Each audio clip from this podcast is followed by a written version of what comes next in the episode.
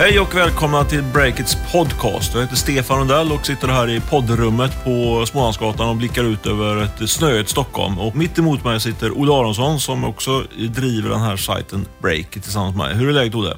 Ja, men det är fint. Jag kämpade mig till jobbet. Det var faktiskt eh, riktigt stormigt ute, men eh, det, det, det är lugnt. Det, det var lite omväxlande, mest kul tyckte jag. Ett äventyr. Vad ska vi prata om idag?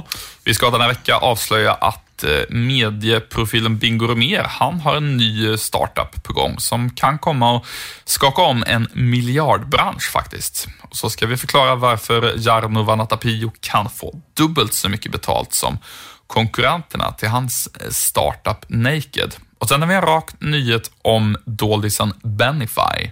Låter spännande. Välpackat avsnitt som vanligt, eh, tarvar jag mig till att säga. Men först ska vi ta fem snabba från eh, dagarna som har gått här precis. Jag börjar. Google är intresserad av att köpa Soundcloud. Det hävdar i alla fall eh, musiksajten Music Business Worldwide. De brukar vara ganska välinformerade. Prislappen ska vara runt en halv miljard dollar, eh, men, vilket är betydligt mindre än det som det tidigare spekulerades. Det har varit en miljard dollar som som eh, det var snack om att de skulle få för när de skulle sälja till, vad var det, var det Twitter? Nu har jag glömde bort vilka de var. En, en miljard dollar var eh, den värderingen som diskuterades när Spotify kikade ah, ja. på. Spotify var det, och Sen precis. så tror jag att Twitter har investerat eh, ja, tidigare till på... ungefär den värderingen. Ja, exakt. Mm. Men, men, eh, lång historia kort så är det i alla fall så att de nu är intresserade av att köpa Soundcloud som är grundat utav eh, två svenska entreprenörer. Exakt. Eh, ett helt annat ämne. Eh, autoliv, bilsäkerhetsjätten. De har startat ett samriskbolag med Volvo Cars. De ska ut utveckla mjukvara för självkörande bilar tillsammans. Och den där storsatsningen sker samtidigt som Volvo Cars siktar på en börsnotering, i varje fall enligt Dagens Industri som har rapporterat om det de senaste veckorna. Det tror jag stämmer. Jag käkade lunch med han som rapporterade, Anders Hägerstrand. Han brukar ha rätt.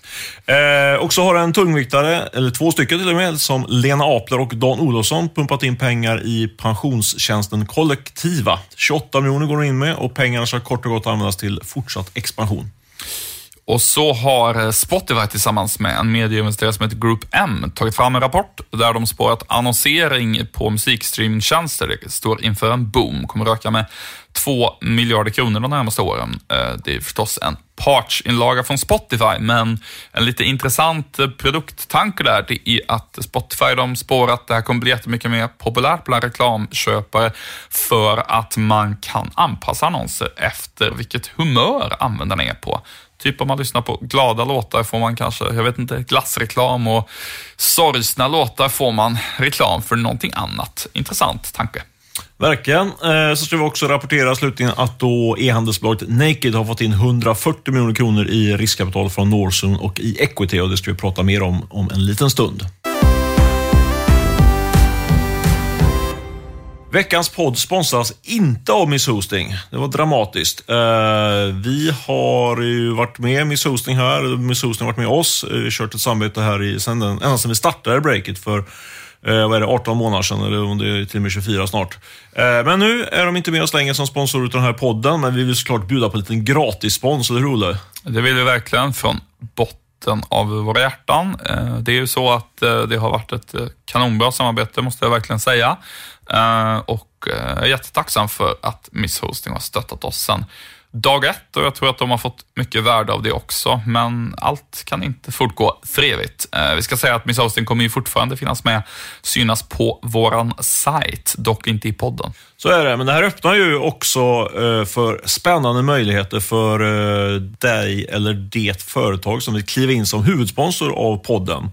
Det är ett spännande fönster som nu finns öppet. Eh, uh, Mejla mig direkt på stefan.breakit.se stefan.breakit.se om du tror att det kan vara spännande.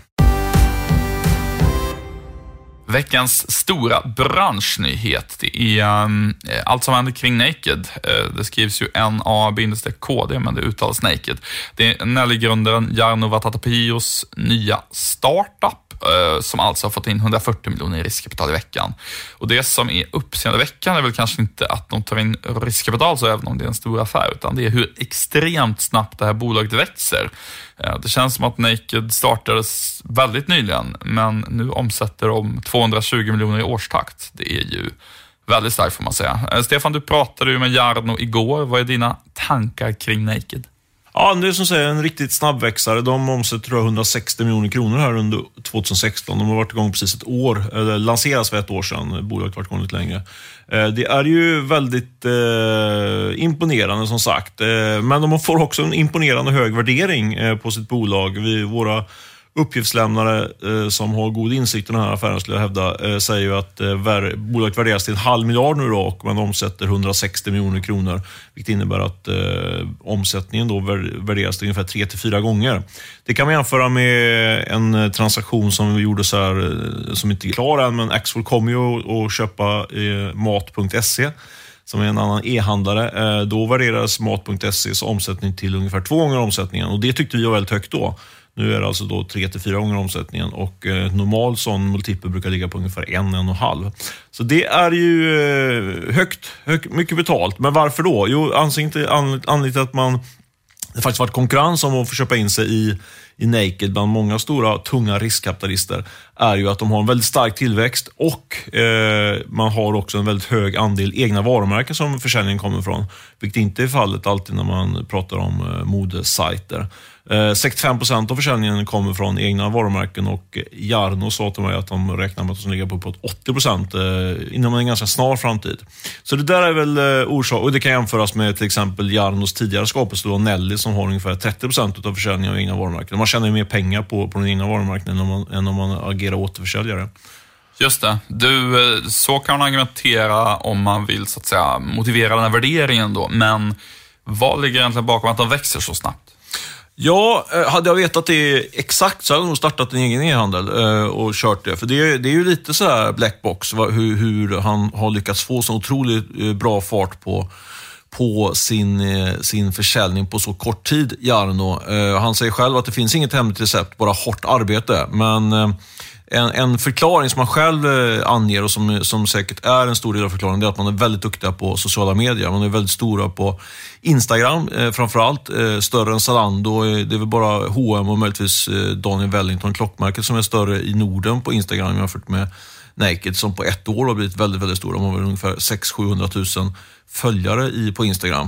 Eh, så det är ju en, en förklaring, men eh, det är ju inte hela förklaringen. Man frågar mig såklart varför. Hur har de lyckats bli så stora på, på sociala medier? För det är via sociala medier som driver mycket av försäljningen. Och eh, det, det är väl där som den svarta boxen ligger då.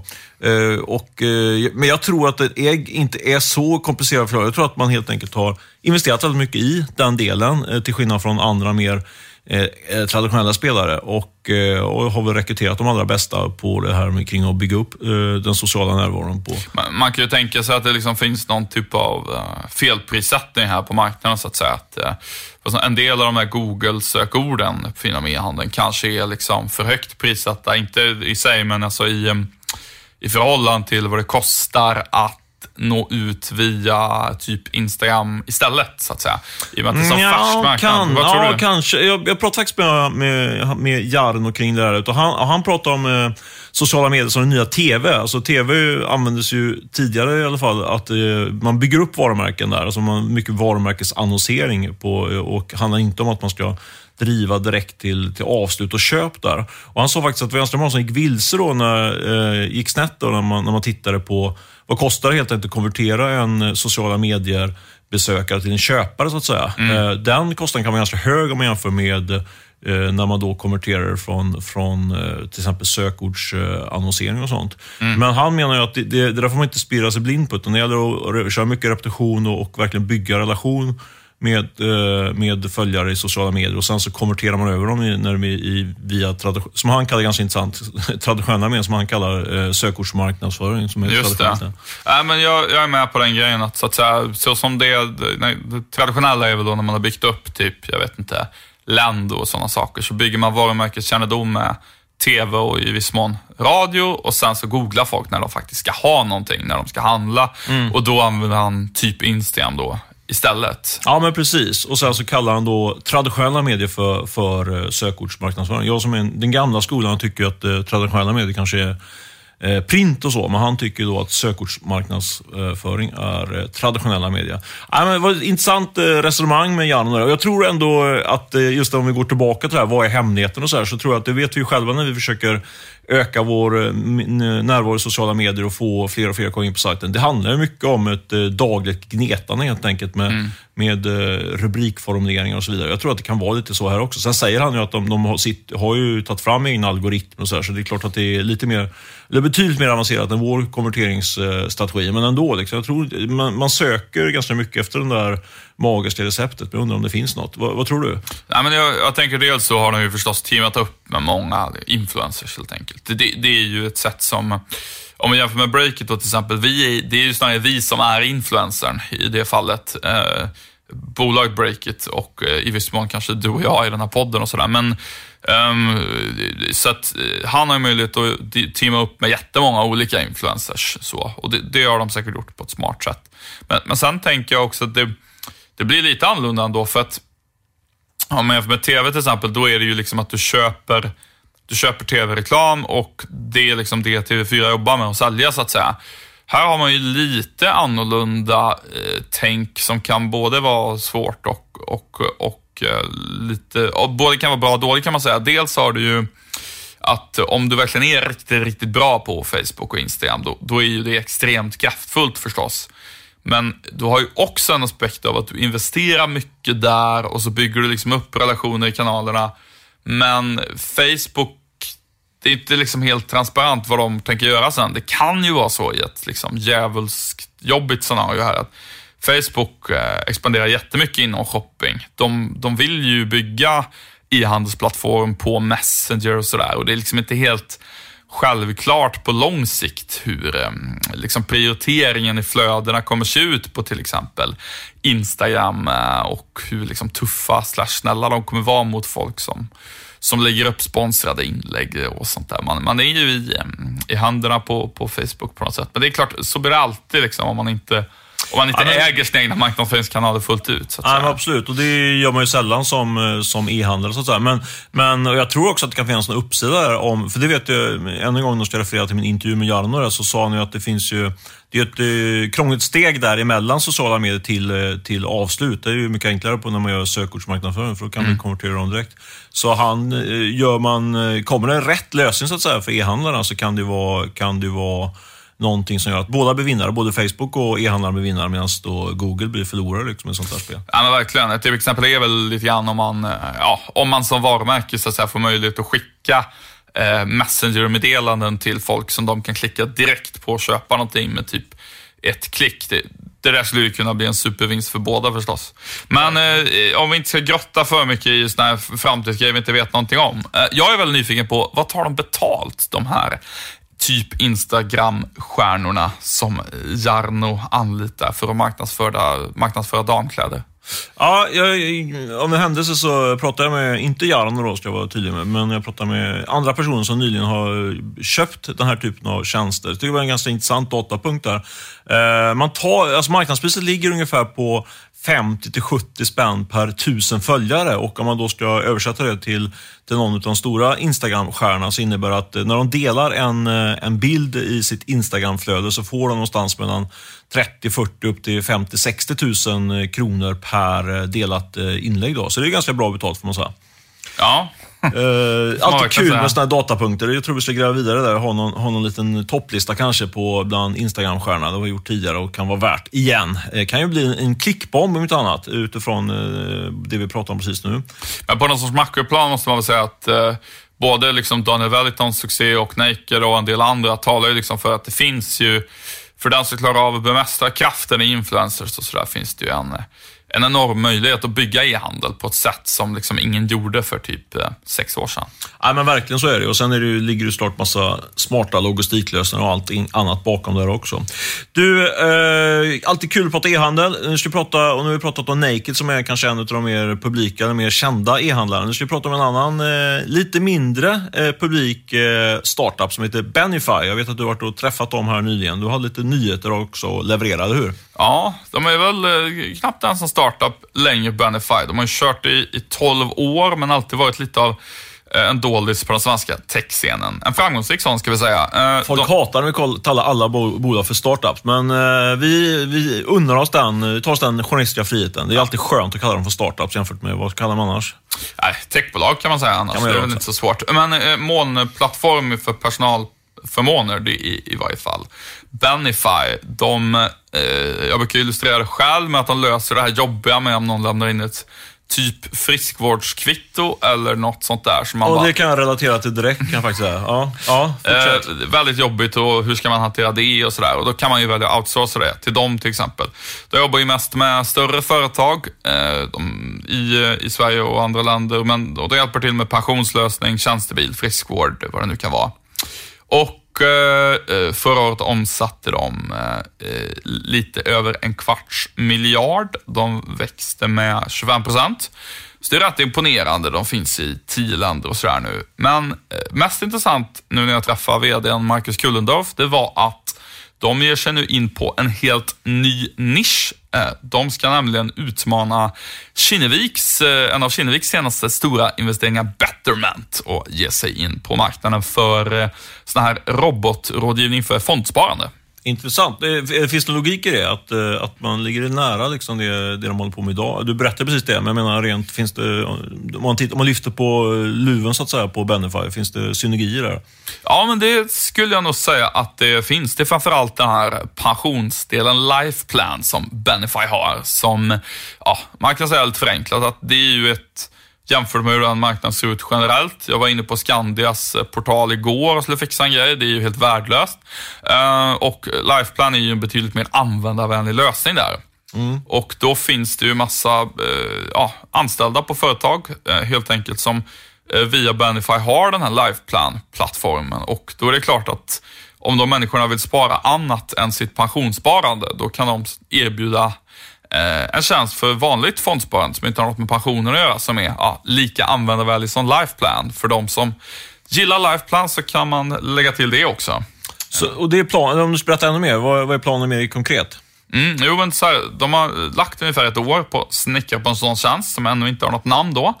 Eh, men eh, Benify Banify ska helt enkelt lansera det här som sin första konsumenttjänst. Den eh, drivs av Mikael Lindskog som en del människor i Handelssverige känner igen. Som att han var, han var Nordenchef på Zalando och byggde upp deras verksamhet här i Norden.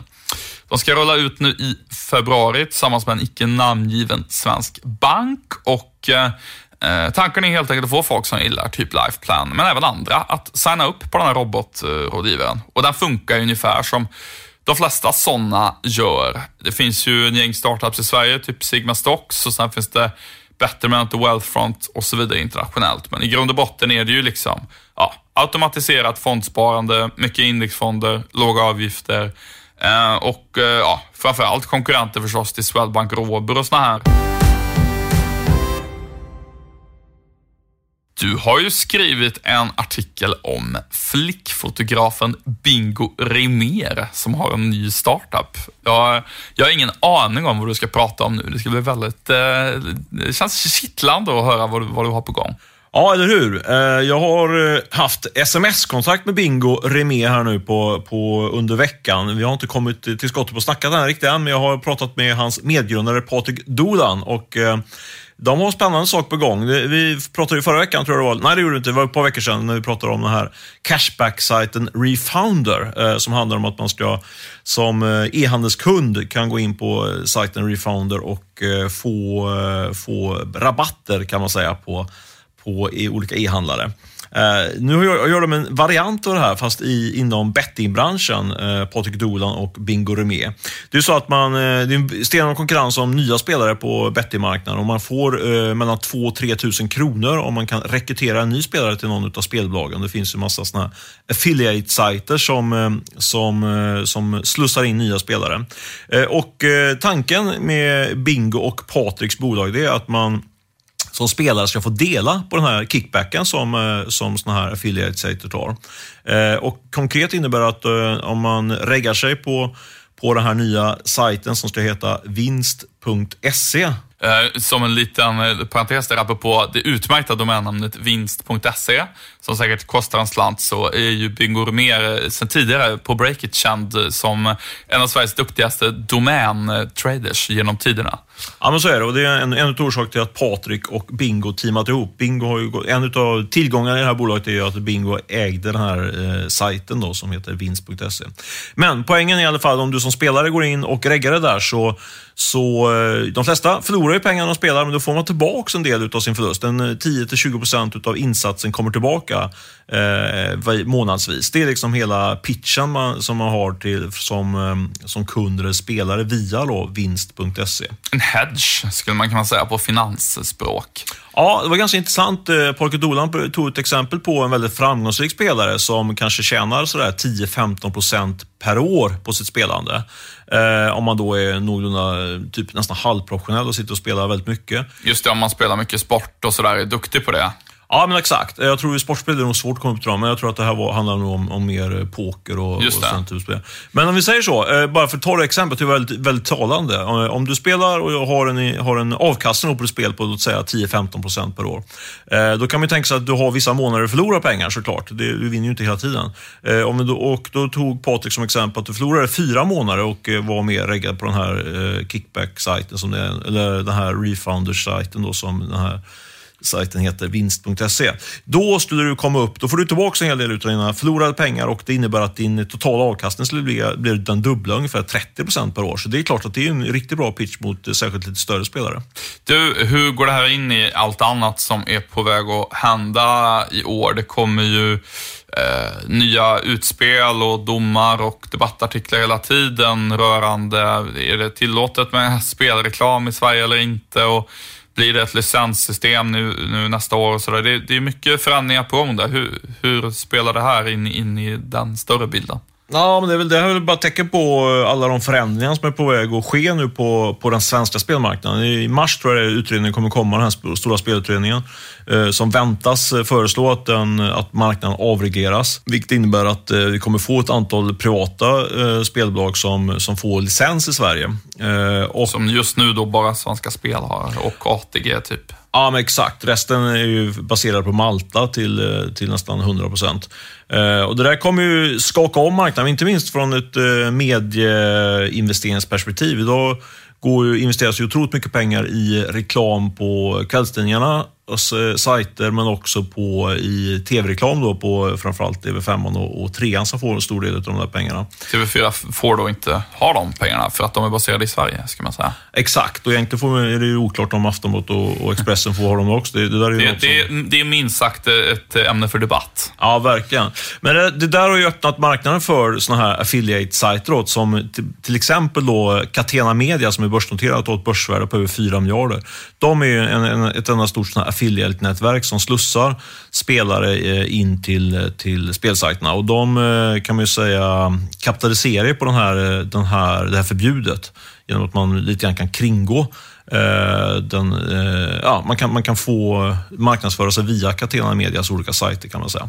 Så det där kommer, det där kommer bli stora förändringar tror jag. Det är lite oklart exakt vad det kommer bli, men jag tror att det är väl läge att och gräva vidare där. Det som är fascinerande, man, jag har bara lite grann börjat skrapa på, på ytan kring den här stora spelmarknaden som finns, framförallt baserat på Malta, då, men med svenska entreprenörer. Och det är ju i högsta grad eh, teknikfokuserade eh, bolag. Det är ju liksom att det är så många eh, svenska entreprenörer som blivit så otroligt rika på det här och det är inte, och många, många okända entreprenörer.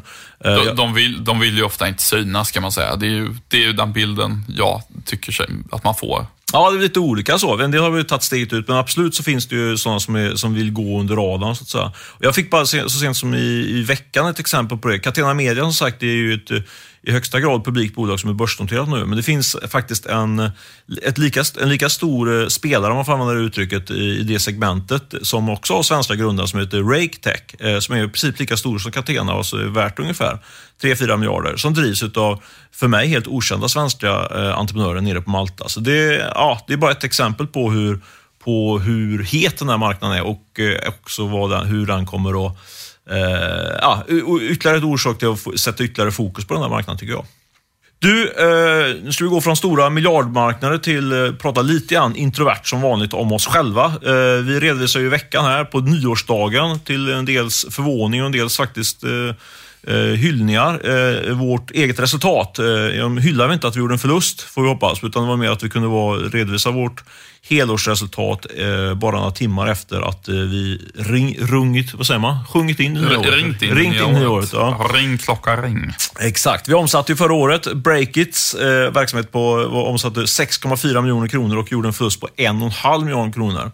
Och eh, ja, Det är andra året med miljonförluster eh, och eh, det är väl relevant att ställa dig som vd-Olle till svars. Är det, är det liksom rimligt att bedriva en sån här verksamhet som bara pumpar ut pengar i, i, i systemet?